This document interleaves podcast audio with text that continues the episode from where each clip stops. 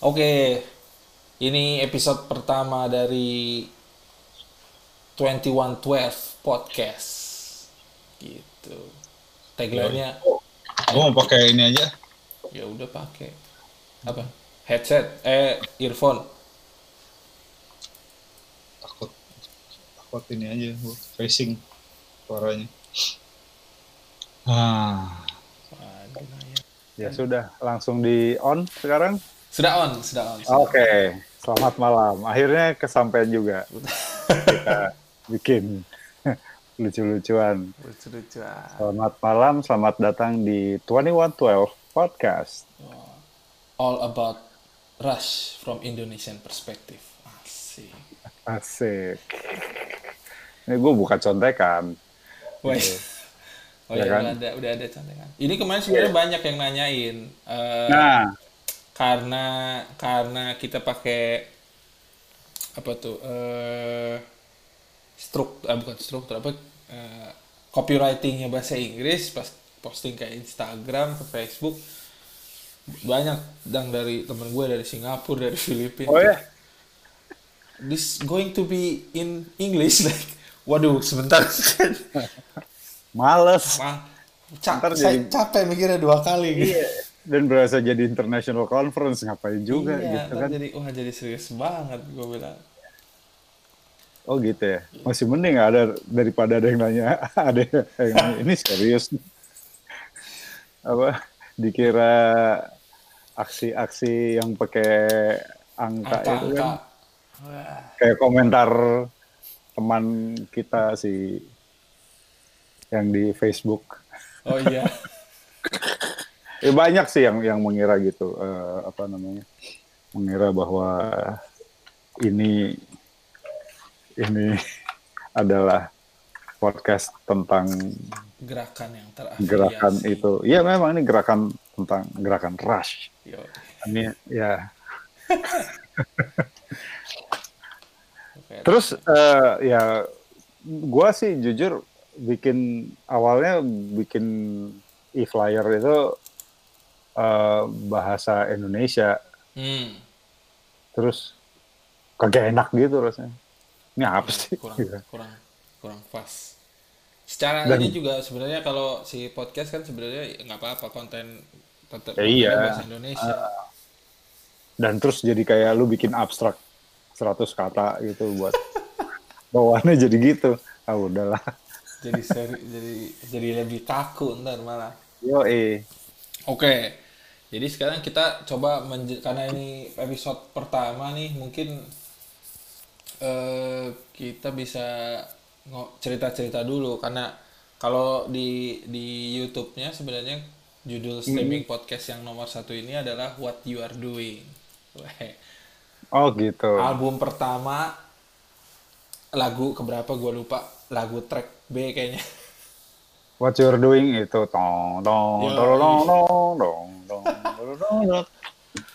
Itu. Oke.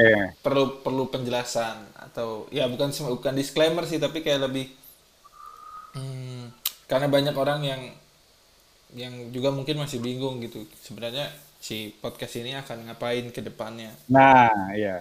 Banyak yang mengira ini juga podcast tentang Rush berarti akan penuh dengan bahasan musik gitu kan, Eh, diskusi tentang musik, eh, terus ngomongin teknik musik lah, Eh, all about music. Padahal enggak gitu, loh. jelas enggak.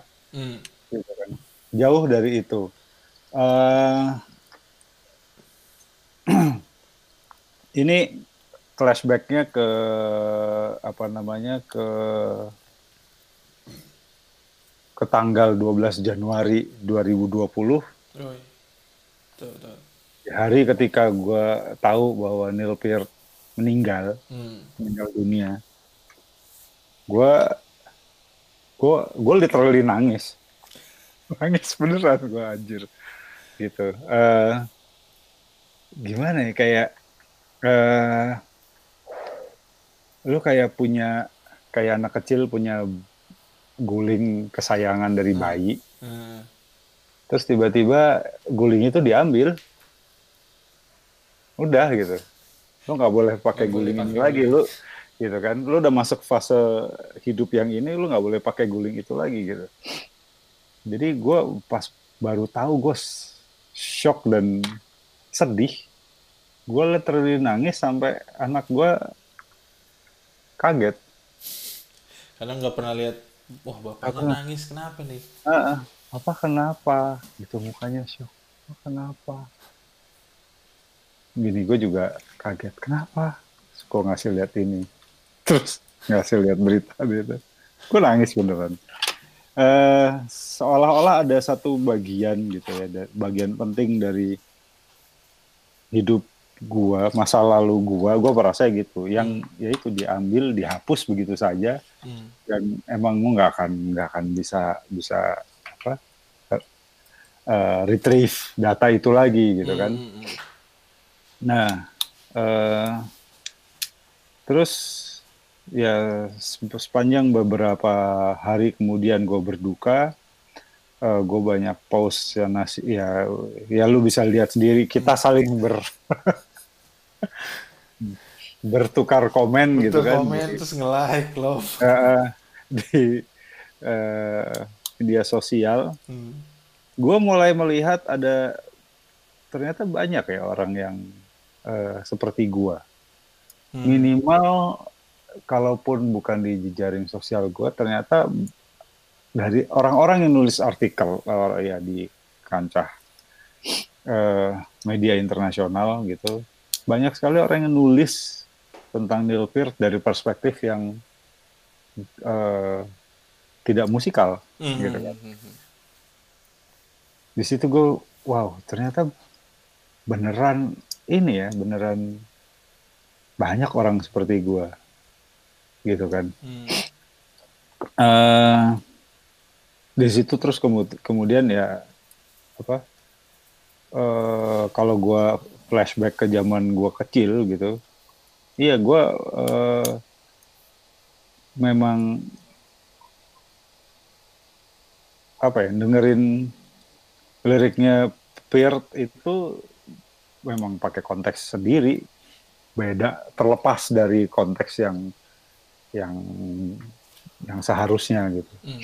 dan itu menurut gue sangat tipikal anak-anak di zaman gue gitu generasi gue yang waktu itu konsumsi budaya populernya sudah tapi hanya tip of the iceberg aja kan nggak pernah dikasih tahu sampai dalam-dalamnya Hmm. gitu kayak gue dengerin ya kalau Rush udah inilah waktu gue dengerin Metallica gitu tahun album pertama gue beli Kill 'Em All, rekaman Rock Shop, Hints Collection, gue inget banget. Itu mungkin baru dua eh, tiga tahun setelahnya gue ngelihat di majalah Hit Parader, oh kayak gini toh mukanya gitu kan. Hmm. Jadi Baru ketahuan. Baru ketahuan dan gue rasa ba- dan banyak anak Indonesia yang yang konsumsi budaya populer itu seperti gue. Hmm. Artinya eh, pemaknaan yang dibangun dari konsumsi itu benar-benar dunia sendiri yang jauh ber- yang jangan-jangan berbeda gitu. Dan itu pas ya itu ada hubungannya dengan bagaimana situasi konsumsi media juga lah ya. Gimana situasi eh, kehidupan di zaman Orde Baru gitu Hmm. kan. Bagaimana Orde Baru menerapkan misalnya demokrasi, menerapkan kapitalisme, menerapkan keterbukaan eh, konsumsi budaya, tapi pada saat yang sama nutup gitu kan. Hmm.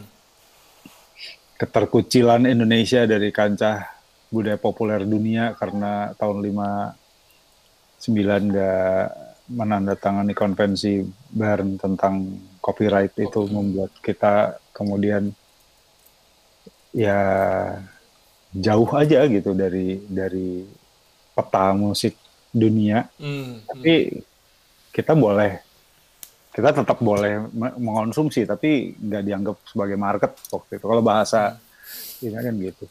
Nah balik lagi ketika gue sadar wah ini banyak nih orang yang ini seperti gue gue kemudian eh, kepikiran gitu since gini sepanjang hidup gua dari gua kenal Rush sampai di hari ketika Neil Peart meninggal. itu juga satu hal yang menghancurkan hati gua sih. Gua menyimpan harapan bahwa suatu hari gua akan ada kesempatan untuk nonton mereka Hmm. dan udah itu diambil selesai loh gitu kan Yoi. wah jerit gitu. gue memang sangat emosional dalam ini ya praktek konsumsi budaya populer gitu. Buat gue ini penting banget kayak waktu Def Leppard ke sini misalnya tahun 96 apa. Pas lagu fotograf gue air mata berderai karena gue gila lu ini band gitu kan. Apalagi pas bawain fotograf ingatan gue langsung loncat balik ke gua waktu zaman gue kelas 5 SD dengan teman-teman main gue di SD Hmm. sama-sama lagi tergila-gila album Pyromania Hmm. naik sepeda nyanyi-nyanyi sambil nyanyi lagu itu gitu fotograf misalnya dan buat gue itu emosional itu pengalaman-pengalaman apa ya pengalaman kul- kultural yang buat gue penting gitu Hmm. membentuk membentuk gua jadi Karakter. ya secara membentuk karakter membentuk gua jadi seperti sekarang Hmm.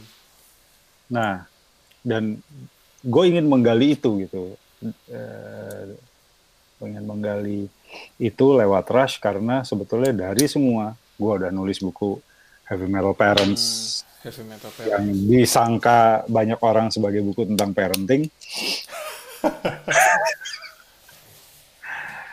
Eh, Tapi itu membantu nggak sih kalau karena kan itu itu kan sebenarnya secara nggak langsung eh, memberikan branding yang berbeda terhadap buku lo gitu. Paling nggak mungkin orang jadi malah wah buku parenting nih gue beli deh gitu.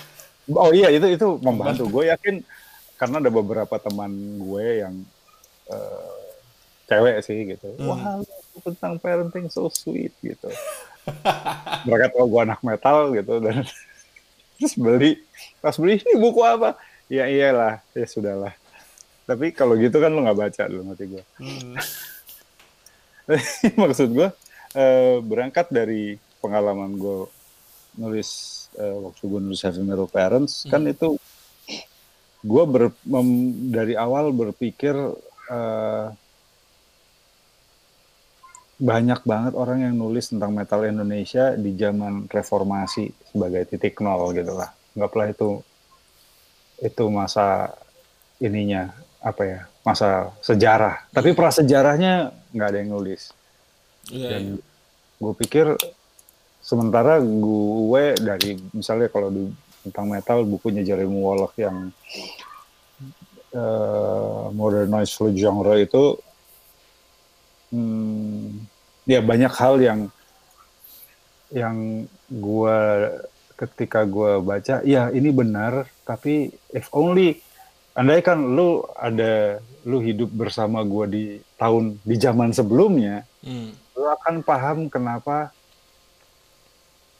ini itu kenapa tape trading itu gampang banget di sini? Bukan sesuatu yang underground yang gimana? Enggak kan gitu.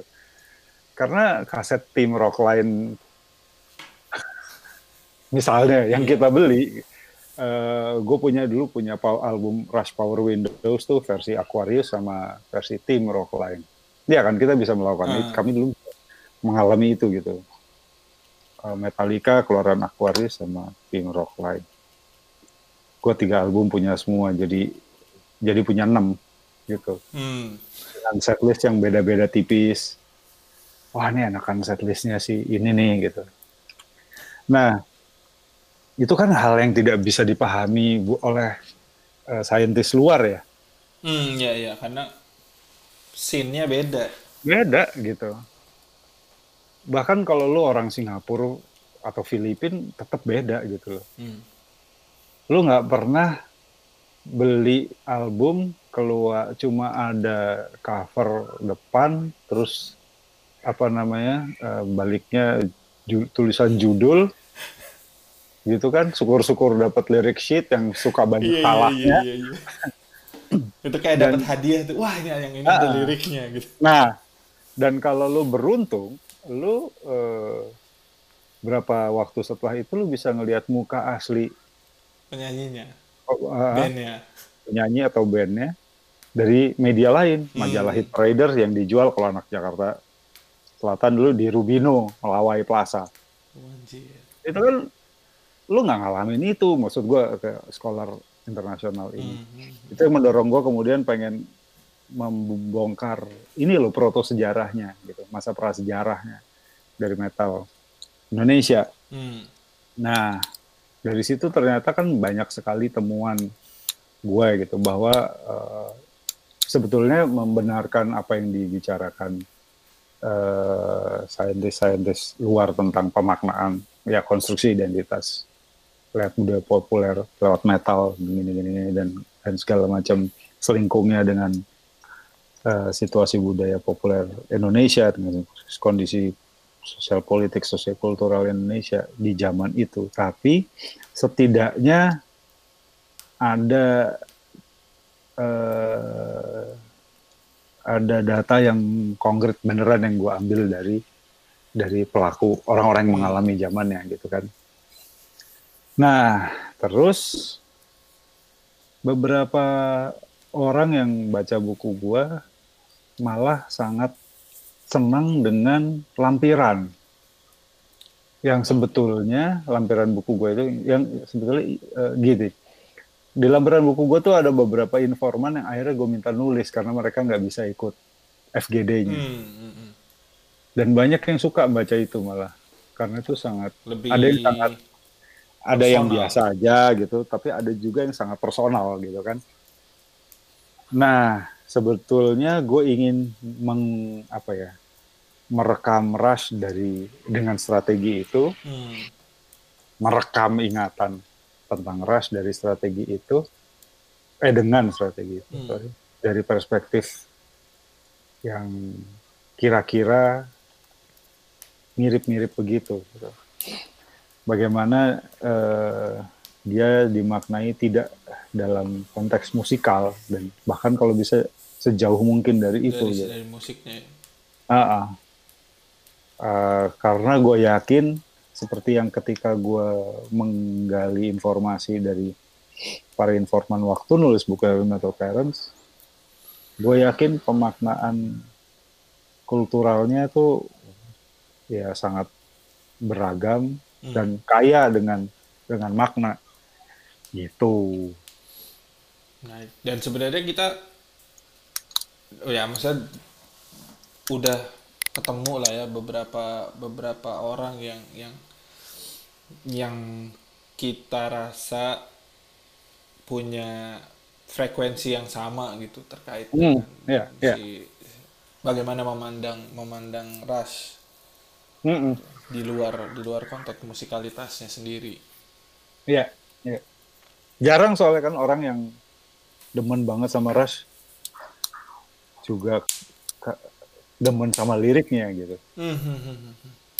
Gue malah orang yang setahu gue, dulu gue pikir eh, ya hanya gue yang yang yang waktu gue kecil hanya gue gue pikir hanya gue yang yang lihat Rush dari angle itu gitu.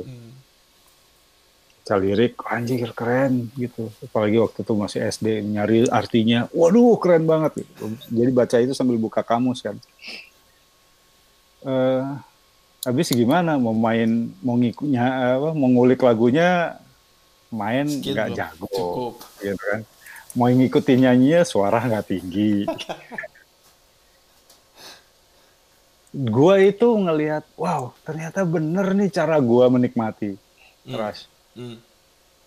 selain da- dari tekstur musiknya juga dari pengalaman lirik itu ketika gue zaman gue SMA video VHS beredar rekaman Headbangers Ball MTV itu gue lupa eh, persisnya gimana di acara apa tapi ada satu interview Sebastian Bach-nya Skid Row Hmm, hmm, hmm. Yoi. dia cerita waktu dia SD disuruh eh, apa bi- menyad apa ya men- membawakan puisi dari penyair yang dia suka banget. Hmm. dan dia bacain apa? Ain dan dia ngambil liriknya Rush gitu karena menurut dia Oh, yang dia tahu Neil Peart itu sastrawan gitu. Buat dia gitu. Dan di gokil. situ wah ini gue banget gitu. Gue merasa iya iya gini gitu. Karena Hmm. gue gue jadi eh Grace Under Pressure tuh bikin gue baca makin apa menikmati baca science fiction.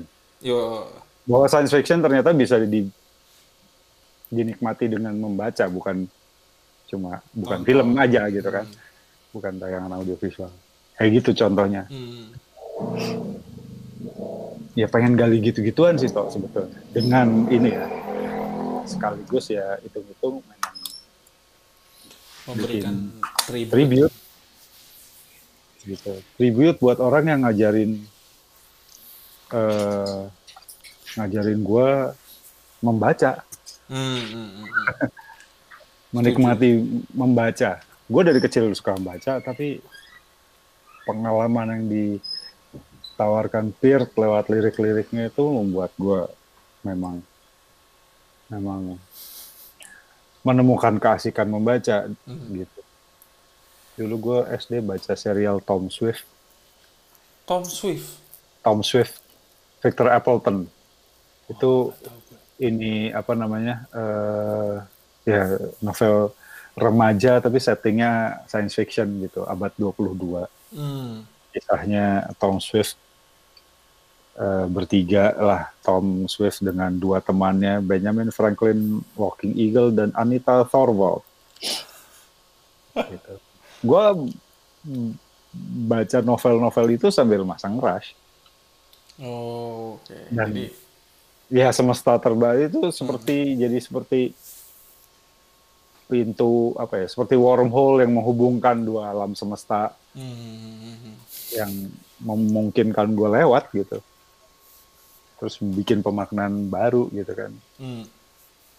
ya gitu sih Eh, mungkin buat yang apa namanya yang penasaran ini podcast tentang apa ya mungkin malah nanya-nanyain orang soal begitu-begituan daripada Pada ngomongin enggak. soal berapa ketukan di Ah, ah. lagu atau ini eh, dulu ada satu radio yang radio klasik rock yang punya acara Oh, eh, Legend of the Month itu kan Hamin sekian sebelum hmm, acara off airnya terus ada acara ya seharian muter artis yang jadi Legend of the Month terus ngundang orang-orang yang expert di bidangnya terus yang diomongin ya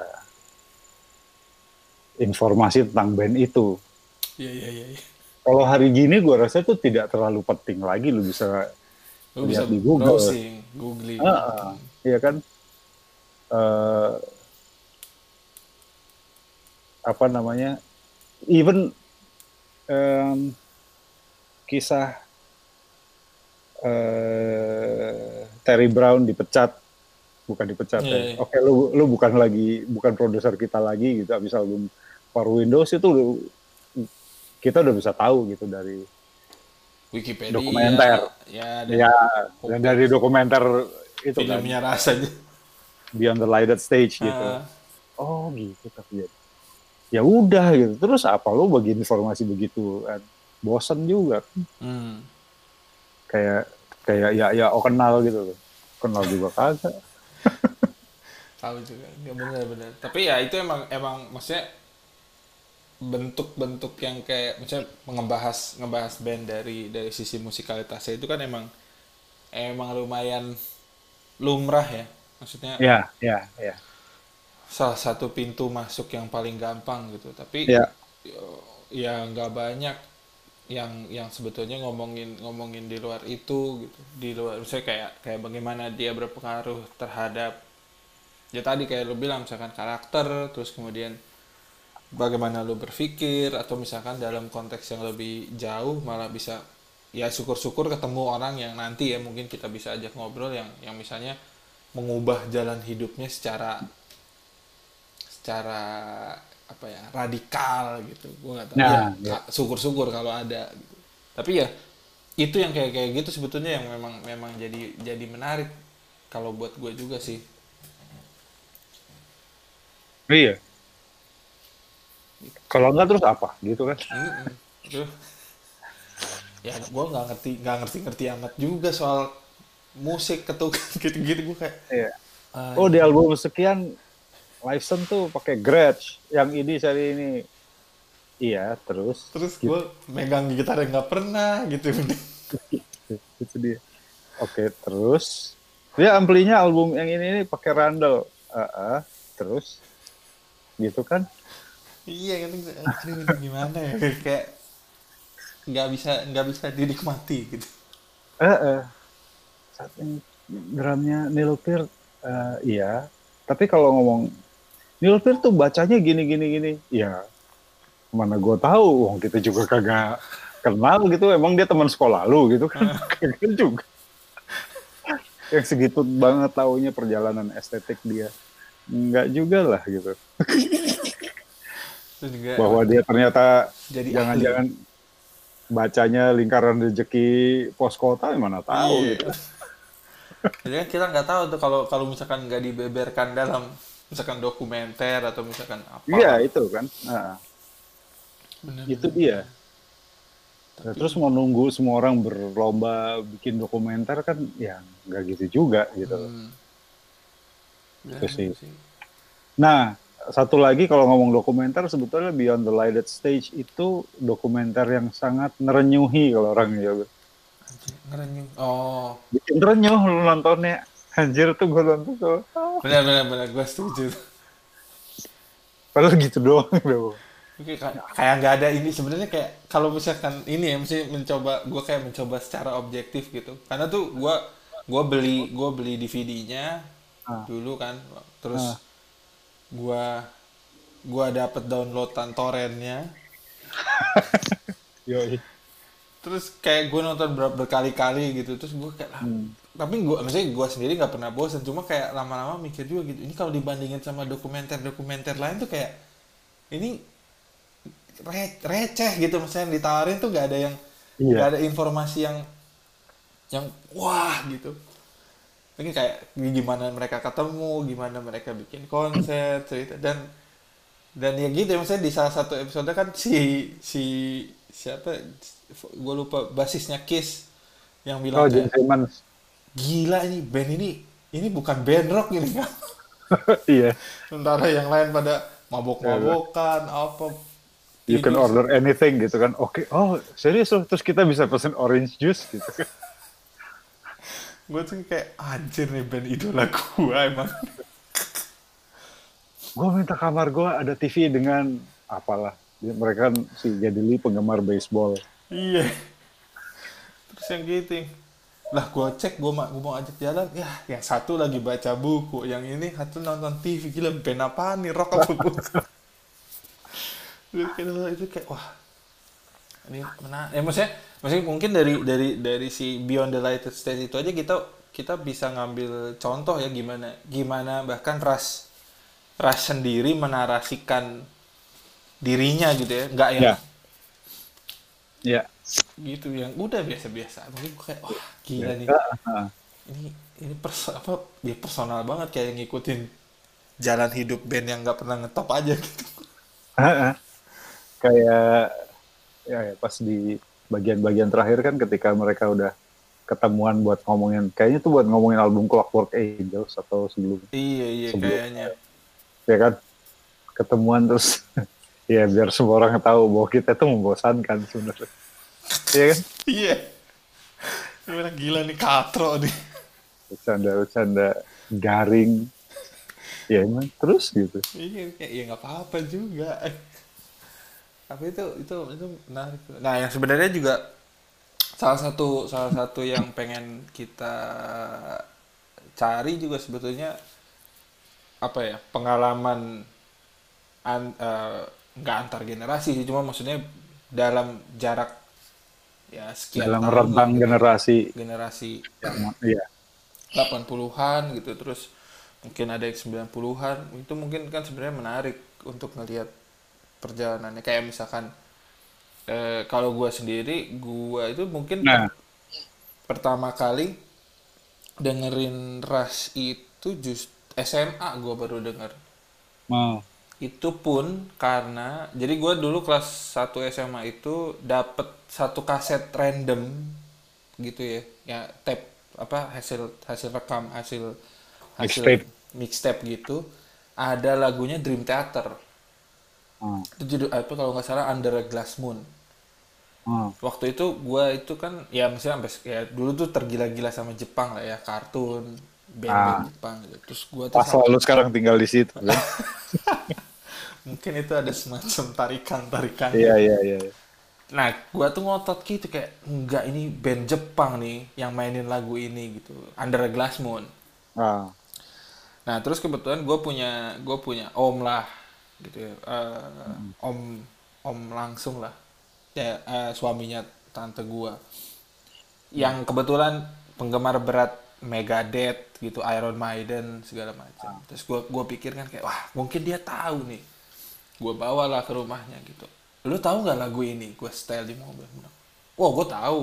Ini band Jepang ya? Gua bilang, Bukan, ini Dream Theater katanya. Oh, oh gitu. Bilang, lo dengerin Dream Theater katanya. Enggak, ini gue dengerin ini aja.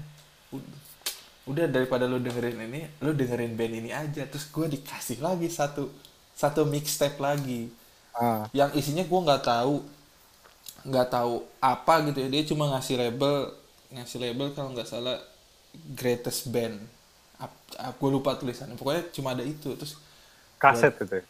kaset kaset. Kaset. terus gue dengerin itu pertama kali gue denger lagu adalah kalau nggak salah itu anthem. Hmm. Wajib, band apa nih mungkin.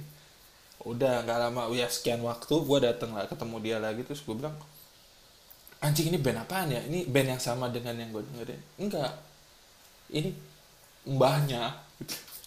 Orang-orang ini ngeband karena ada band ini gitu. Oh gitu. Nah, Nah, itu narasi penting itu orang-orang ini karena banyak yang menggunakan ya ya terus terus itu kan itu terus ya mulai dari situ terus nah waktu itu kan karena karena gue gue sempet akhirnya tuh sempet dengerin denger, dengerin Dream, Dream Theater sama temen gue terus nah sampai ketika om gue ngasih kaset itu barulah gue berpisah jalan tuh sama sama temen-temen gue karena mereka ceh dengan Dream Theater gue kayak enggak ini ini nih gitu dan nggak tahu gue nggak nggak waktu itu nggak nggak dengerin nggak dengerin eh nggak baca lirik nggak nggak tahu apa sampai Ah. sampai terus kelas 3 SMA itu itu tahun itu 2002 2003 kalau nggak salah. 2003 Oh, oke. 2003 itu terus Ah. 2003 naik naik kelas 2 kelas 3 mulai itu gua ya misalnya ada ada ada ada bilangnya apa ya ada ombak kehidupan lah gitu. Hmm. dalam dalam kehidupan gua pribadi. Karena nyokap bokap gua pisah ya kan terus habis itu gua tinggal sendiri. Nah di di bagian itu wah itu gua merasa gila lah. Denger- dengerin ras itu membantu banget gitu. Kayak kayak ya maksudnya bukan bukan bukan mengalahkan mengalahkan agama ya misalkan. Cuma Iya. maksudnya ketika ketika gue merasa ada hal yang kosong gitu pas dengerin lagu ini kayak wah. Nah dari situ sebenarnya gue baru mulai pelan-pelan karena karena mau nggak mau ya gue dengerin terus terus lama-lama gue mulai ngulik liriknya terus nyari internet dengan ya versi seadanya lah ya. Hmm. HTML 2.0 gitu yang cuma teks doang nyari-nyari baru gue mulai baca anjing. Dan gue paling kaget itu pas dengerin By Thor and the Snow Dog. Terus kayak anjing ini lagu apaan? Ini cuma ini, ini kayak kayak kayak dengerin kayak dengerin Lord of the Ring cuma dinyanyiin gitu. Kayak. Terus gue kayak gila nih ada ada band yang bikin lagu kayak gini ya dan dan itu nah itu yang kayak lo bilang tadi itu mendorong jadi gue tuh kayak merasa mau oh nggak apa-apa sebenarnya. Kita tuh jadi jadi kayak kutu buku gitu ngebaca gitu. Hmm.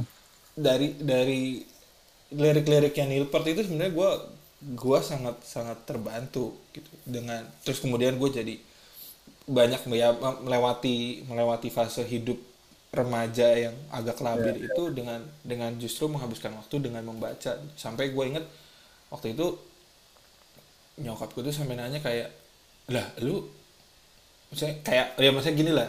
Lu lu kehidupan pribadi lu bermasalah terus biasanya gitu anak-anak seumuran remaja tanggung gitu kan kalau nggak larinya ke ba- bandel gitu ya seks apa narkoba gitu. Nah sementara gua hobinya adalah ngoleksi buku kayak pergi ke mana beli buku bawa. Terus nah, gua kayak anak ini ada yang jangan maksudnya mungkin dia mikirnya juga kayak mungkin ini kelainan yang yang yang lain gitu ya dengan ini. Cuma cuma dari situ gua ya maksudnya ngi- mengikuti transisi lah gitu ya mengikuti transisinya ras. Samp- ya dengan cukup panjang gitu sampai sam- ya paling nggak sampai sekarang gitu. Dan itu ya benar ya tadi maksudnya kalau kalau si Sebastian Bach merasa Neil Neil Peart itu sastrawan gue juga merasa karena buat gue anjing nih ini liriknya ini satu satu kalimat gue kutip itu keren. Gitu. Dan banget. dan itu kayak ya banyak banget yang yang sebenarnya membantu membantu gue mengambil mengambil banyak banyak apa ya eh, pilihan-pilihan penting lah gitu. Nggak ya maksudnya free will gitu misalnya. Itu Hmm. itu interpretasi gue ya. Maksudnya gue gua nggak gua gua nggak terlalu eh, mem- memikirkan waktu itu Neil Peart nulis itu tentang apa. Cuma waktu itu gue memahami konteksnya adalah eh, ya lu nggak perlu nggak perlu menjadi orang yang yang sangat religius lu menjadi nggak perlu menjadi orang yang sangat fanatik. Asalkan lu tahu apa yang mau lu kerjakan pilihlah dengan bebas. Gue kayak wah wah, anjir. Gue kayak yo gue wah ini nih pilihan wah tapi ya ya iya se- dari segala aspek sih maksudnya maksudnya terlep dari sosial dari kultur gitu ya It- men- ras itu sebenarnya jadi satu um, apa ya, satu paket yang komplit kalau menurut gua. Ya ya ya gitu. Tapi ini harusnya gue mencatat nih menarik nih. Ya kan ini nanti kan direkam. Iya iya. Nggak kayak gini juga enak kalau catat oh iya tapi ya terlalu itu itu itu, itu fase fase penting tuh. Iya benar. Kalau kalau menurut gua ya dan dan gua nggak tahu maksudnya gua merasa kayak cukup beruntung aja ket- bisa bisa ketemu sama sama sama ras di di titik yang pas gitu ya. Coba lu bukan. ketemunya Rolling Stones. Gua dulu dengerinnya kan Limp Bizkit sebelum oh iya iya, abis itu gua Nah, tuh- kalau ketemu Rolling Stones. Oh iya itu. Di masa itu wah gue kayak anjir. Dan ya itu ya maksudnya maksudnya gue jadi relate dengan dengan ya subdivision gitu. Gue kayak iya. karena gue juga merasa jadi oh gue juga sebenarnya ngerasa kayak geek gitu yang nggak nggak bilong ke satu kelompok. Iya. misalnya bandel enggak pinter banget enggak nerd banget enggak gitu ya Re- ya anak religius. Enggak gitu. Gue tuh kayak anjir nih posisi gue ada di mana? Gitu. Tapi Nowhere is the dreamer. Yo oh, so low. misfits banget. Gue wah. Gue kayak tuh dan ya secara buat gue pribadi sih itu itu membantu gue belajar bahasa Inggris sebenarnya karena iya iya. gue mencoba menemukan ya maksudnya kalimat-kalimat eh oh, sorry kata-kata yang dipakai di di beberapa di liriknya ras itu menurut gue kan juga nggak nggak nggak nggak sophisticated banget nggak terlalu pretensius tapi juga dia bukan kata-kata yang lu biasa temui sehari-hari gitu yang gue jadi kayak oh gue nyari oh ini ngomongin apa iya iya iya. Dan Eh, apa banyak sebetulnya malah ini ya kayak beberapa diksi yang baru populer sekarang. Kayak di body electric tuh. Oh yo gua kenal kata android.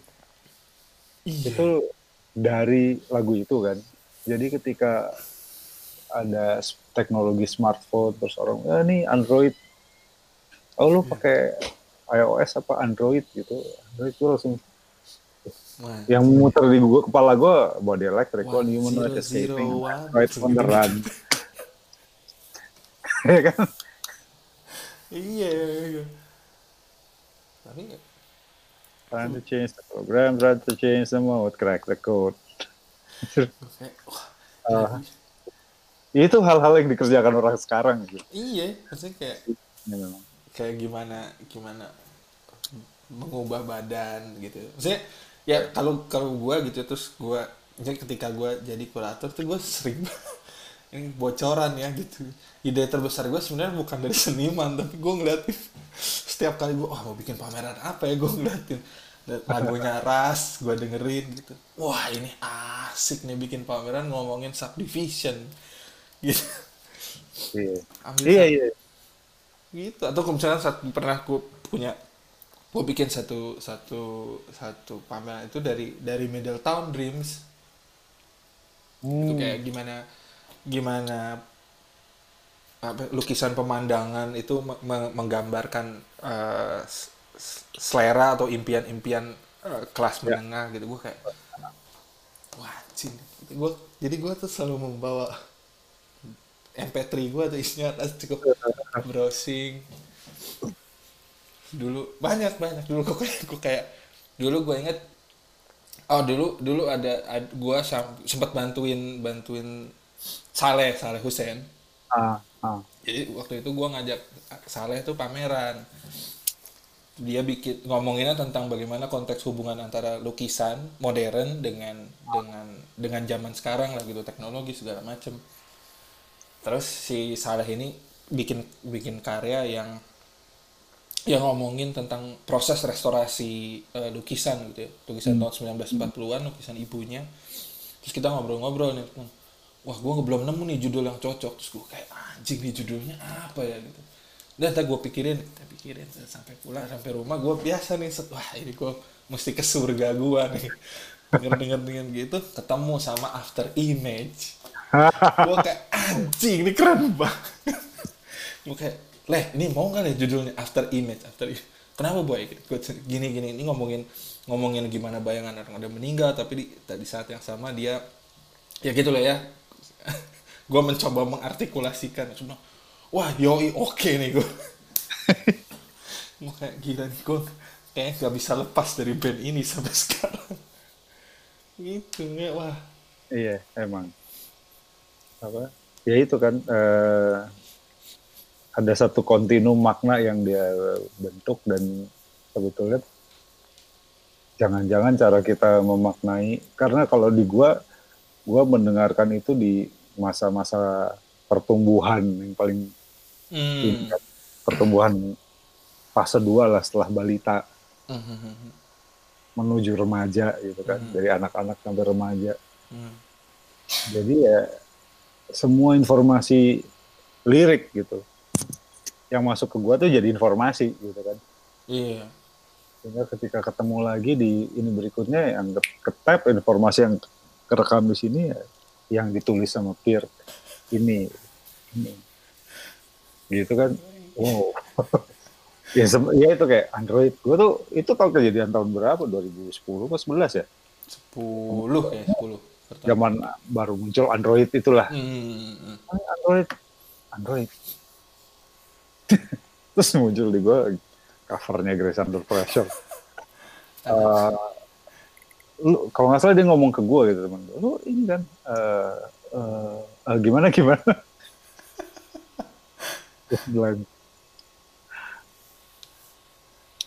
Gue juga ketika nulis sebetulnya apa ya? Banyak membayangkan eh, nah kalau bedanya kalau gua ini yang selalu gue pinjem apa? Ya itu. Wormhole-nya yang gua Hmm. ketika gue menulis ini terus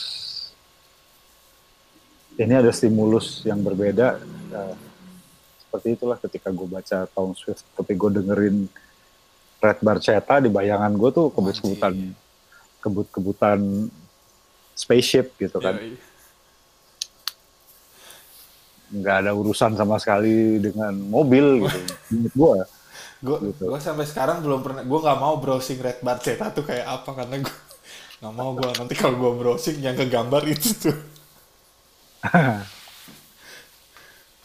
Ya em, dan gua sih memilih makna yang itu gitu. Mhm, yang gue mhm. bentuk sendiri itu. Ya biarin aja gitu. Eh, dan itu kan sebetulnya beresonansi juga gitu. Pemaknaan itu beresonansi juga dengan kondisi zaman yang gue alami di zaman itu ya gitu. Orde baru. Lagi Hmm. puncak-puncaknya gitu kan. Eh, Bener-bener. ya plug itulah gitu baik dengerin subdivisions gue tidak paham pertama kali gue dengar karena pada saat itu gue masih SD gitu lah Hmm. SD kelas 3 kelas 4 Buh. gitu tapi ketika gue revisit gue dengerin lagi Hmm. zaman gue SMP ini yang gue alamin gitu kan ini nih sekarang kondisi gue ini nih. oh gitu Nyambung. dan sampai sampai hari ini ketika gue denger lagi Hmm. iya tuh dulu gue dan kadang-kadang sekarang masih suka begitu gitu Ya, ya, ya, kayak ada flashback. flashback yang yang jadi seolah-olah memang kesannya emang hidup gue digaris bener sama sama Pir kagak juga padahal gitu kan tapi ini kan gue tak gatoknya gitu Iya. tapi kalau yang dilalah ya ya ya emang ya begitu gitu kan kejadiannya begitu tuh. dan gue menikmati itu sih gitu gue Hmm. menikmati ras eh, yang begitu itu sebab gue nggak pernah nggak pernah bosen padahal harus gue akui jujur gue bener-bener dengerin intens tuh berhenti di album maksudnya album-album yang gue bisa dengarkan terus menerus Mhm. intens itu sampai Hold Your Fire Oh, Oke, sampai Hotel Fire. Presto agak turun, Roll the Bones agak turun, mulai Counterparts tuh gue udah. Ini kayaknya strategi nulis lagu lo berubah ya, gitu. kalau gue Hmm. boleh ngomong sama mereka ya. Strategi nulis lagu lo berubah ya, dan itu ternyata cara yang mereka pertahankan sampai Clockwork Angels kan. Mhm. Dan sebenarnya gue ya nggak nggak segitunya. Walaupun secara lirik makin luar biasa, Yo, Fir. i. makin ke sini kan makin makin bilangnya apa ya? Kayak makin mateng. gue Gitu. merasa merasa gitu juga kalau gue sebenarnya kalau kalau kalau secara album kebalik karena kalau karena dari tadi ketemu om gue itu dia justru pertama kali ngerekomendasiin gue itu dari Presto jadi gue Presto maju maju maju maju sampai Vapor Trail terus keluar waktu itu gue inget nonton Rush in Rio kalau nggak salah Oh, Nah, Rush in Rio kan kayak lagu Vap, di album Vapor Trail tuh cuma ada tiga apa apa lima lagu gitu yang dibawain. Sisanya kan yang ya se- all this. Mm-mm, sebelum terus gue kayak anjing ini lagu apa? Baru tuh gue mundur, misalnya mulai dengerin runut dari dari pertama gitu dan ya misalnya karena gue nggak nggak misalnya nggak nggak punya nggak punya apa bilangnya ya, memori yang urut gitu yang runut dari ketika ngeluarin albumnya gitu gua agak agak bias tuh mesti kayak gua gua nggak punya kayak wah ini album ini lebih lebih lebih bagus daripada album ini gitu karena Ya, ya. dan juga misalkan kebantu sama sama sesudah ya kayaknya sesudah 2010 itu kan udah MP3 mulai banyak mulai apa ya, mulai banyak gitu ya udah mulai bisa nggak urut gitu dengerin Ya, ya. dengerin dengerin lagu yang ya mulai lompat-lompat aja tuh milih-milih Iya. tuh Ya, ya, ya, ya. iya mm. ya bener sih maksudnya mungkin juga kalau misalkan didengerin secara runut ya ya mungkin magnum opusnya gitu atau ya ba- bagian yang paling keren ya emang secara album menurut gue ya kalau gue sih moving pictures ya. Iya. itu cuma ya ya kayak gitu gue aja kayak anjing judul album moving pictures. Terus gue baru baru habis baca bukunya seni media gitu. Kayak, wah ini masuk nih. Bener gitu gitu wah moving kamera move, moving eye gitu. Oke nih masuk mas gue kayak terus kayak gitu. Lu jangan apa-apa dikaitin sama ras dong. Ya gimana orang gue bilang referensi gue kaitan pertamanya ke situ. Itu sebetulnya yang yang diinginkan eh, bukan yang diinginkan tapi it- itu seharusnya cara kita memperlakukan kitab suci. Bener. Harusnya. Cuma ya gimana gitu. Bener, bener. banyak hal memang eh, budaya populer merebut merebut ini gitu kan merebut. Merebut panggung Hmm. narasi yang lain. Jadi begini jadinya. Nah tapi ya gue rasa eh, disclaimer-nya itu satu hal gitu kan. Hmm, hmm, Tapi kalau di brief description yang gue kirim ke lu itu hmm. Itu yang poin tiga gitu. Tiga dan empat. Hmm, hmm. dan udah udah apa? Kelar sih gitu. Hmm, hmm. Eh, jadi lumayan Kita- nih tadi udah sampai Ya, poin 4 nih. kenapa kenapa? Enggak maksudnya sampai poin 4 nih kita lumayan padat gitu. Cuma 4 Iya. poin aja ras itu cultural setting. Oh, iya kan? Yoi. Jadi apa eh, dia seperti apa memainkan peranan sebagai infrastruktur pengetahuan gitu. Hmm, hmm, hmm. kalau dari ini obrolan kita Hmm, tingkat kita ini seolah-olah gitu dia jadi infrastruktur ya bukan pengetahuan itu sendiri gitu. Hmm. Tapi jadi infrastruktur yang Kayak- memungkinkan orang untuk ya maksudnya kayak mengakses di luar Yang lain. itu gitu Ah, masuk ke pintu-pintu yang lain gitu Hmm. bergerak ke titik-titik yang lain Bener-bener. tapi eh, nah gue ingin sekali melihat apakah cuma kita berdua yang berpikir begini atau banyak orang gitu kan ya gitu cuma berdua ya. Emang berarti gitu doang. Ya udah gitu. apa paling nggak buat orang yang dengerin ya udah. Oh ternyata gitu oh doang gitu doang. gitu.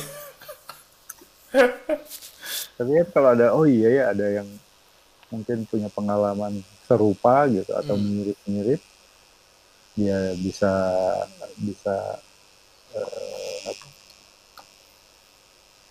bisa berbagi juga gitu kan sama kita gitu. hmm. benar-benar dan pada akhirnya itu tujuan jangka panjangnya gitu dari podcast ini adalah gue ngebayangin ini cerita-cerita sebetulnya gitu tentang ras itu pada akhirnya hanya jadi pintu masuk hmm. ya kan tapi pintu masuk yang lumayan eh ya gue nggak berani bilang penting tapi yang yang lumayan mungkin berbeda lah gitu Hmm. eh, untuk melihat Indonesia dalam konteks konsumsi budaya populer tertentu Hmm. gitu. ya ya Dan pasti nanti ada informasi kecil-kecil yang kemudian kalau dirangkai ya itu akan terbentuklah narasi itu, narasi besar itu. Jadi gua mengandaikan eh, ini semacam FGD eh eh, sorry, in-depth interview ke Hmm. banyak orang gitu. Cuma dengan cara yang menyenangkan aja. Hmm. karena awalnya kan gue ngajak lo bikin buku. Oh kan. Cuma gara-gara waduh nih nggak mungkin juga gue interview orang satu persatu. Eh terus ngoprek-ngoprek. Itu Google Play Store ini apa nih? Oh iya nih yang diomongin temen gue nih gitu. Gue download. Oh ini iya deh gitu kan. Jadi podcast. Ya jadi. Niat banget. Benar-benar kayak tapi nggak apa-apa misalkan kalau ya misalkan kalau si podcast ini seri yang pertama ini udah udah nongol dan bisa didengerin sama orang banyak gue pikir mungkin kalau kalau ada teman-teman atau misalkan atau lu kenal atau punya kenalan punya handai taulan yang kurang lebih lu tahu wah kayaknya orang ini pernah melintir sedikit nih gitu kayak dengerin Ya. ras lah atau pernah kayak yang lu tahu dia senang sama ras atau tergila-gila sama ras mungkin ya bisa di bisa bisa dikabarkan ke kita gitu ya ya. siapa pun bisa nah tar dulu gue mau kemarin belum hafal gue soalnya. Ininya tuh apa? Email kita ya maksudnya. Oh emailnya. Emailnya itu ras.podcast.id oh iya at gmail.com ini ditulis aja kali buat yang oke dot id .id at gmail.com tuh Nah, mana nih? Ngek ya. Ya. Cahayanya malah kelewat. Malah nyinarin buku. Iya. Ngek kelihatan nggak sih? Woi, kelihatan. keterangan. Iya nih. Kita aja tambahin di podcast. Iya. Tapi si si podcast ini sebenarnya jadi jadi cukup menarik sih maksudnya formatnya karena orang hmm, ya misalnya dia bisa lebih intim gitu ya. Gue nggak tahu misalnya karena kalau kita berdua kan udah kenal dari dulu. Tapi mungkin yang lain juga agak lebih agak lebih mudah ya dibanding dibanding kita emang beneran datang terus untuk interview dan macam-macam. iya ah, ah, mempermudah pasti ya Terus mungkin juga ya gue nggak tahu misalnya dalam terutama dalam ngomongin ke kondisi pandemi sekarang gitu ya.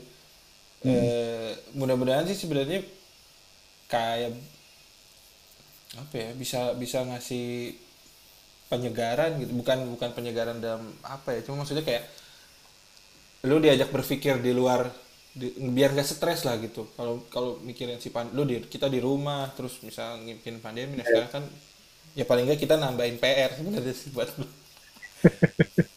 Tapi paling nggak kan lu punya wah ya ada ada juga yang mau ngerjain gini-ginian gitu iya iya itu benar. Itu benar. Itu sih kalau gua mikir. Pakat gue mah itu. Lumayan. Lumayan.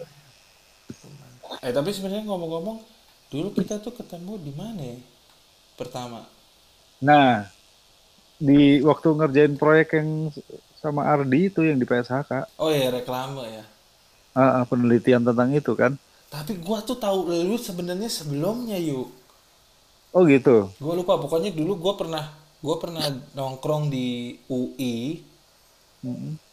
Gue lupa sama siapa waktu itu ya diajak sama Andan atau diajak sama Ardi, gue lupa. Terus nongkrong di satu kayak ke, ya kayak kedai mie ayam gitu. Ah, Terus gue lu ada ada beberapa ada beberapa mahasiswa cultural studies tuh seingat gue. ah. ya kan terus gue lupa ada ada siapa di apa ada siapa aja di situ gue lupa terus pokoknya ada satu orang lagi ngomongin antara yang mana yang lebih hebat antara Rush sama Pink Floyd. Gue anjir lupa ya jelas terus gue kan gitu. Terus gue lupa pokoknya gue gitu nah anak ini nih masih denger pokoknya orang itu ngomong kayak gue nggak yakin kalau Pink Floyd itu masih didengerin sama generasi sekarang. Gua bilang enggak lah Ras juga. Terus temen gue nunjuk gitu nah anak ini masih dengerin Ras nih nah terus dia bilang gitu nah orang itu gue lupa orang itu siapa ya gue terus dia bilang gini wah kalau ada lo lo anak lu angkatan berapa lu? Dia tanya. Gue anak IKJ angkatan du- 2005 gitu gitu wah kalau gitu nanti kita bikinin FGD aja gitu. Nanti gue kenalin lu sama temen gue namanya Yuka. Nah itu gue pertama kali tuh kenal nama lu.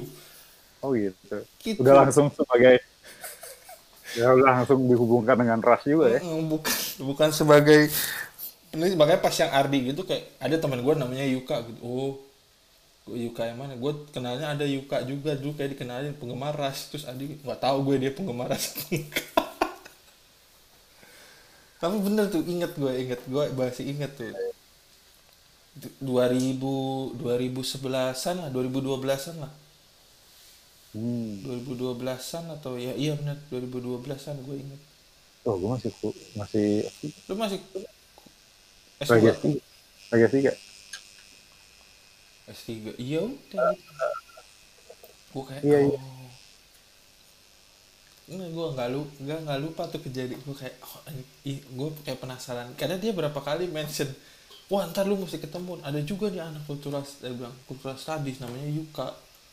Ngapain sama Ras gitu. iya dia ngefans juga. Ntar kita kumpulin deh orang-orang yang ngefans sama Ras ya. Kita bikinin FGD Wah, itu orang berarti berjasa dia ngasih spark ininya tuh iya spiritnya tuh. Ya kan? gue penasaran orang ini siapa ya gue nggak i- gue nggak inget tuh karena banyak ada empat orang atau lima orang waktu itu nongkrong di situ tuh Gitu ya. mungkin ya mungkin lu yang yang kena ada teman dekat lu karena mungkin dia kenal lu Harusnya ya.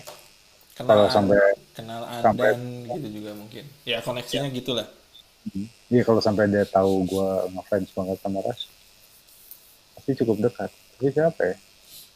lupa pokoknya kira-kira pokoknya kuliahnya di UI juga. Gue lupa tuh di S2 atau S3 Itu di FIB kejadiannya atau di fisik? enggak enggak enggak di situ. Di ini loh.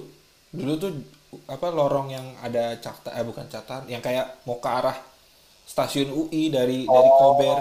Itu kan ada lorong yang gitu terus ada warung-warung makan Iya, iya, gitu ya. Gu- di salah satu warung situ tuh Oh.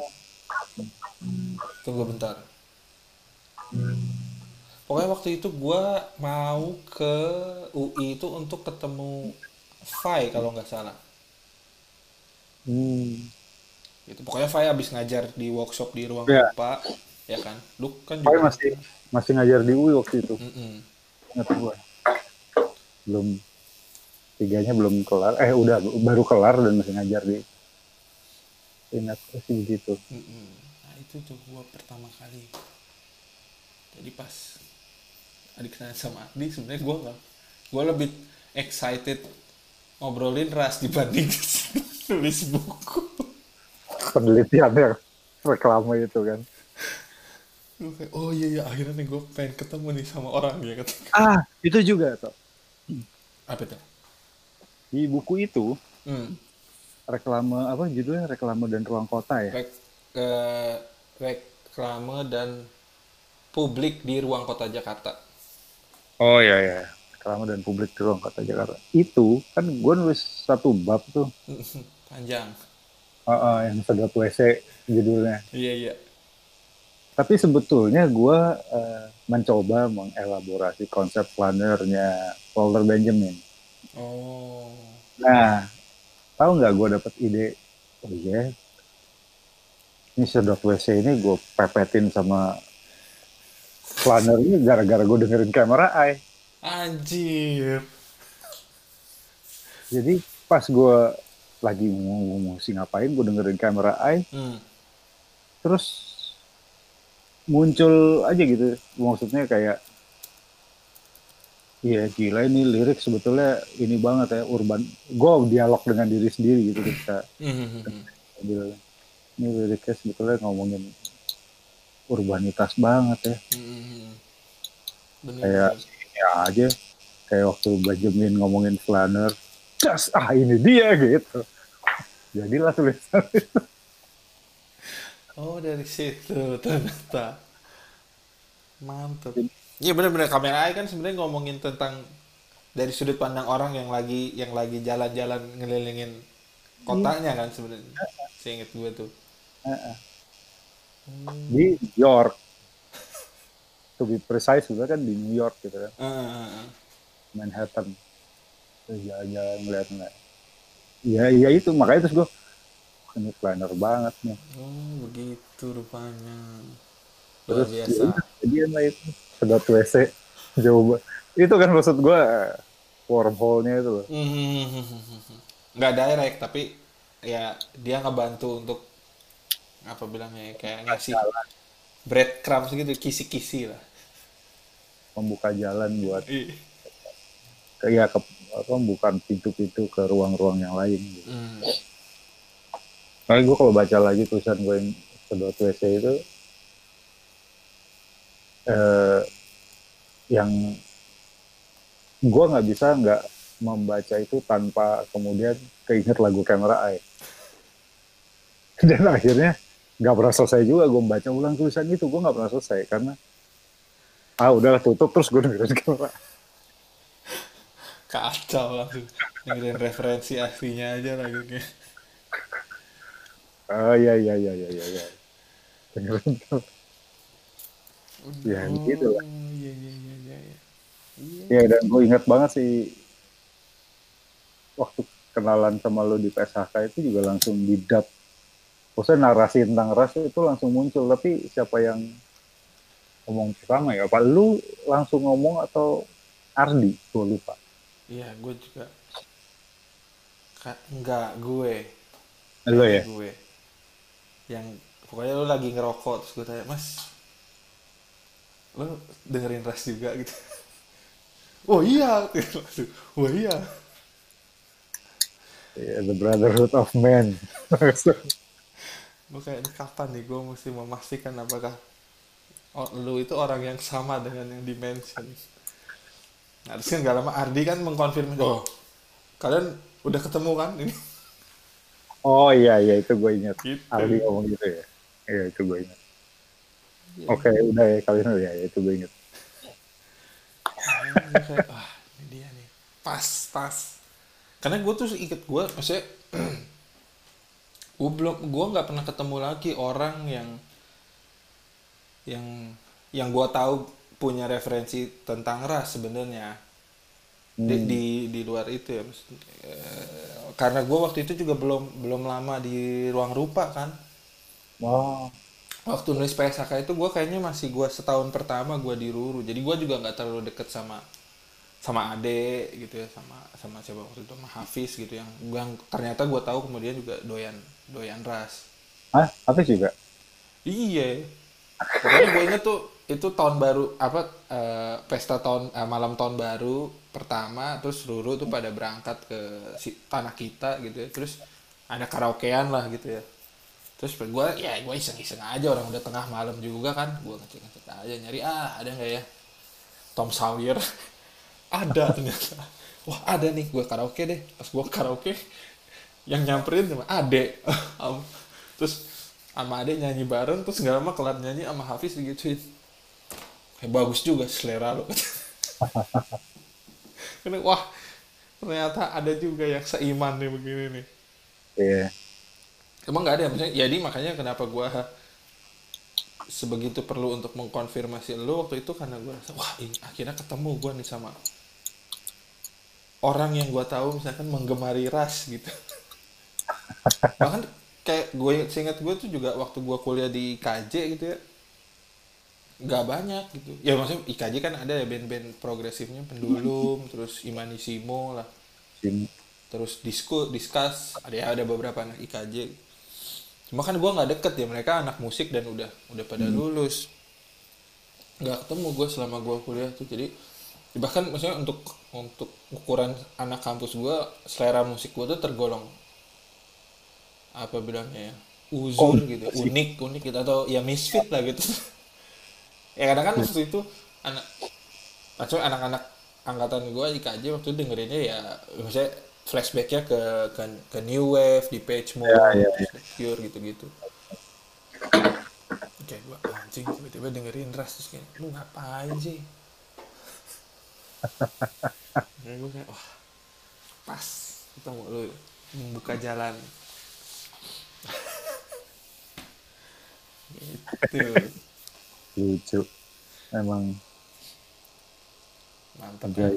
pengaruh pengaruh trio Kanada itu Nah, itu juga satu hal yang eh, menarik buat gue ya, gitu. Eh, enggak, maksudnya ba- baru kepikiran aja menarik, menarik buat gue karena, iya ya, kok nggak gitu ya? Karena gini, eh, biasanya, misalnya, lu seneng band Jepang, lu akan kemudian jadi sangat ke Jepang-Jepangan, kepengen banget ke Jepang, hmm. gitu kan. Hmm, hmm, hmm. Jadi suka makanan Jepang, gue nggak gitu dengan Kanada. Gue gak gitu dengan Kanada. Padahal kalau ngelihat influence, maksudnya gini, musik yang gue suka banget, ya atau jelas ras nomor satu. Hmm. kedua Voivod, Hmm. Kanada juga. Terus Johnny Mitchell yang aslinya orang Kanada juga. Aslinya orang Kanada juga. Oh. Terus nggak membuat gue, ah gue kepengen ke Kanada.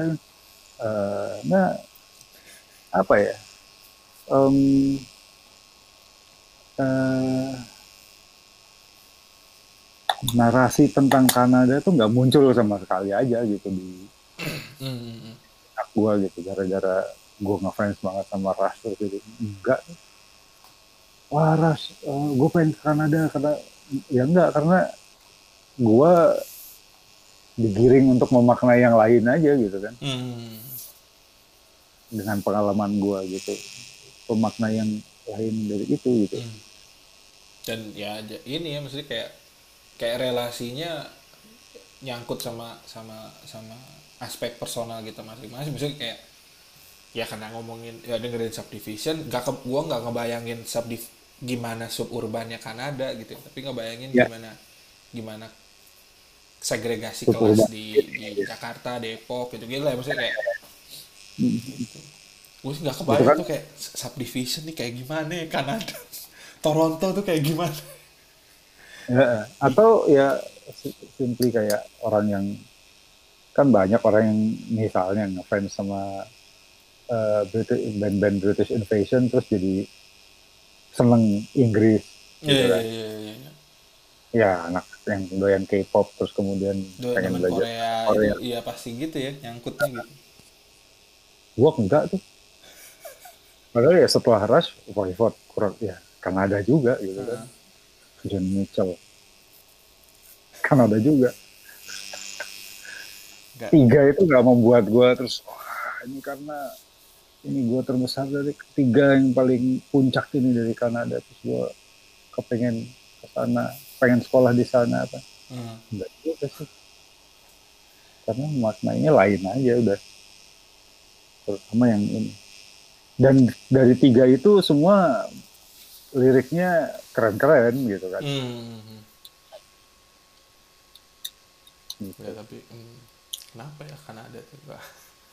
Gua tuh kayak nggak kebayang gitu nih gimana ya sih mesti kayak kenapa nggak muncul ya gitu mesti ketertarikan terhadap kulturnya gitu mesti kultur kultur mereka gitu Ah.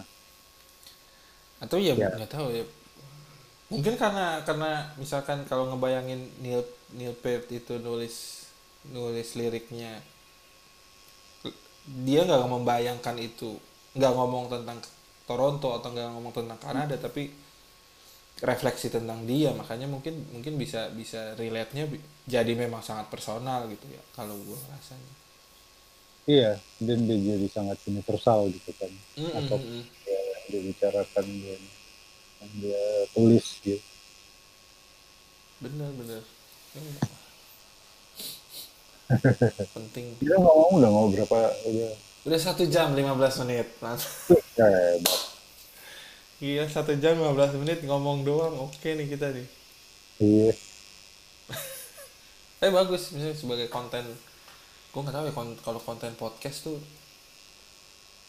ada lah yang sejam sejam gitu lah. Ada. Sih cuma ah sebodoh lah gitu. Iya. Kan konten konten kita sendiri. Iya. Ya kalau lu doyan ras lu dengerin gitu kan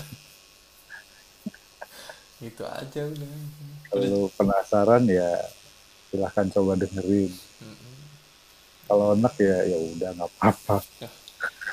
Nggak apa-apa gitu. Ini kalau gara-gara ini jadi seneng sama ras ya syukur. Syukur. Tuh. tapi ya kita kenapa kita nggak muterin musik? Karena balik lagi gitu. Misalnya kalau misalkan ada yang denger dan belum pernah dengerin ras sama sekali silakan ngulik sendiri Mm-mm. udah banyak Kita Spotify banyak YouTube banyak. Nggak jualan itu gitu kan. Iya. Jualan jualan jualannya jualan apaan tahu. Ya nggak nggak dimonetizing juga nih gitu. Nggak kepikiran juga kan. Iya emang. Emang tapi ya apa? eh, ketika jadi buku gue sebetulnya kepingin banget eh, kepingin banget mimpi lah gitu mimpi Hmm. gue dibikin versi Inggrisnya dan berharap Gedi dan yang sisa ya lah dia Gedi dan Alex baca bahwa ya ada Ya. lu punya lu punya signifikansi gitu dalam dalam rentang kebudayaan ini. Rentang perjalanan kebudayaan lu tuh punya hmm, signifikansi gitu dan dan legacy ini harus harus dibagi juga gitu. Penting penting. Ngayalnya sih begitu ya. Bisa. Karena memang waktu itu siapa yang pernah nanya? Gue ada seorang teman. Kalau lu sempet bisa ketemu mereka lu mau ngomong sama siapa dulu? Gue bilang gue ngomong sama Neil Peart. Terus lu mau ngomong apa? Gue mau ngomong ya sains buat lirik-lirik lu. Iya. Gitu. Gue dengerin Peart nggak kepengen main drum kok. Nggak pengen jadi drum. Iya. pengen baca buku dan nulis iya Lirik. benar-benar seperti dia. Hmm, Gitu. hmm, hmm, lebih kayak gitu. Sementara dia sendiri masih merasa inferior kan. iya banget I wish had I had that. Ini lagu apa ya? The Mission ya, mission mission Iya kan? iya I wish I had that instinct Nah, gokil ya gitu. I, I had that instinct. I wish I had that drive. Gitu. yo eh Iya kan? Iya, baru tadi pagi gue dengerin sambil nyuci piring. Sambil nyuci piring. menambah motivasi hidup Ya, begitulah. Anyway, ini Hmm. gue pikir sudah satu jam. hmm. Kita Jadi eh, bisa disudahi saja. Betul. Biar ini juga nggak kayak mesti di perlu diedit lagi nggak sih? audio sih tapi kayak gua nggak tahu ntar gua coba cek dua ya misalnya ini kan ini kan pakai yang OBS nih mudah-mudahan file hasilnya oke. Karena langsung dari input input dari monitor laptop langsung masuk. Paling cuma ini doang tuh kayaknya head, head headphone lu headset lu dah. Ada kayak Ini ya, noise. ya kayak gitu gitu ngek ngek ngek gitu gitu tapi selebihnya sih tapi maksudnya nggak nggak nggak terlalu mengganggu masih oke. gitu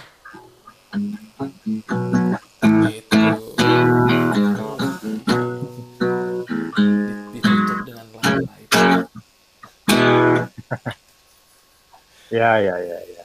gitu baiklah jadi kita Baiklah. sudahi dulu pertemuan Kita sudahi dulu pertemuan. perdana Ini podcast internasional loh. Topik internasional, Topik kan, internasional. populer global. tuh Ininya juga apa? Tata laksananya, cara. Tata laksananya jaringan internasional. Betul. Satu di Jakarta, satu di Yamaguchi. Iya nggak? betul betul betul, betul. ini lintas sekaligus membuktikan koneksi Ya betul. koneksi kita masih lumayan baik nih Baik ternyata. mudah-mudahan nanti yang tamu-tamu berikutnya juga koneksinya lumayan baik karena kita pakai sekarang pakai platform yang lumayan ringan Hmm. jadi mungkin nggak nggak terlalu nggak terlalu berat dan gua ngecek kalau di gua nih ya kita ini baru menghabiskan satu giga Ah, berarti tapi kita itu sudah dua jam. Karena gua kan kita mulai tadi udah duluan ya sebelum di record ya kan ngetes itu kan tadi. jadi dua jam itu dua jam 19 menit dari total kita ngetes itu di gua baru ngabisin 1,2 giga. Ah kecil, kecil jadinya. Tuh cakep. Cakep. oke kalau Baiklah. begitu kita tutup pertemuan Lu perdana. jam berapa? Udah jam 12 malam? Gua belum masih jam 11 20 Oh, jam- lah.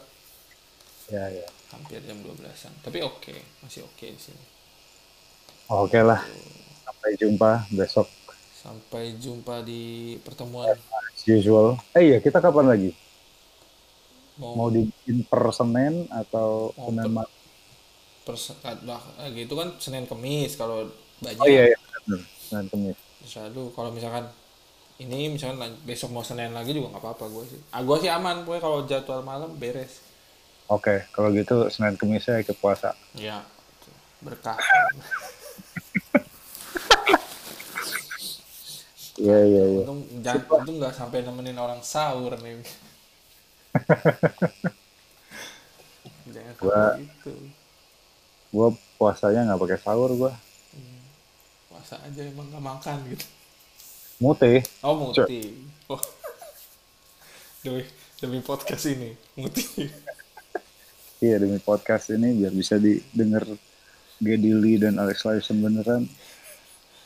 Bisa ntar kita coba kita coba cari-cari link. Dikit-dikit.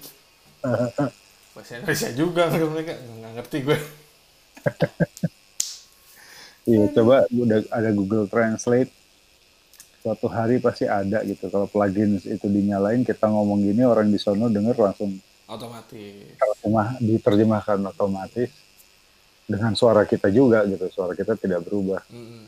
Kayaknya ya Ya, penerjemah di Star Trek lah. yo yo tiga empat tahun lah dugaan gue. Gue yakin ya. Cepet nih. Lima, gitu. paling lama lima tahun tuh teknologinya ada. Terutama gini kan kasus-kasus misalnya sekarang udah makin banyak conference call gitu-gitu kan. Ah, pasti pasti cepet nih. Yang ada hubungan yang lagi yang lagi penting. Iya benar-benar. Ya wes kalau gitu. Thank you banget ya, Terima kasih banyak untuk obrolan malam ini. Sama-sama. Kita ketemu lagi di pod, seri podcast 2112 kedua ya. Yap. Oh gitu. Sip.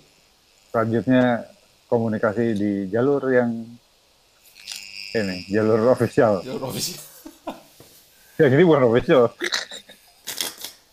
Padahal ini yang di streaming. Yoi. Yoi. Ya Thank you, wes. Tok. Sip. Sampai Dah. jumpa. Selamat istirahat. Yo, sama-sama.